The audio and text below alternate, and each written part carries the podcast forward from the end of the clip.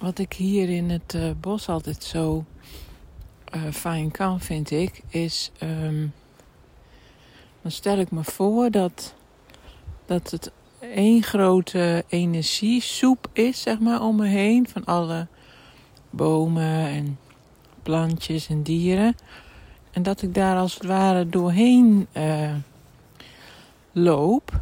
Maar ook dat uh, mijn grotere deel, om het zo te zeggen, dus zeg maar mijn energetische deel, dat het bijvoorbeeld wel vijf keer groter is dan ik zelf.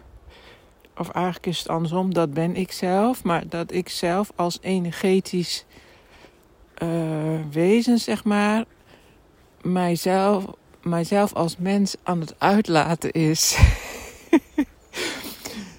dus dus dan zie ik mezelf als een veel groter iets. En dan aan de onderkant hangt dan zo'n soort mens.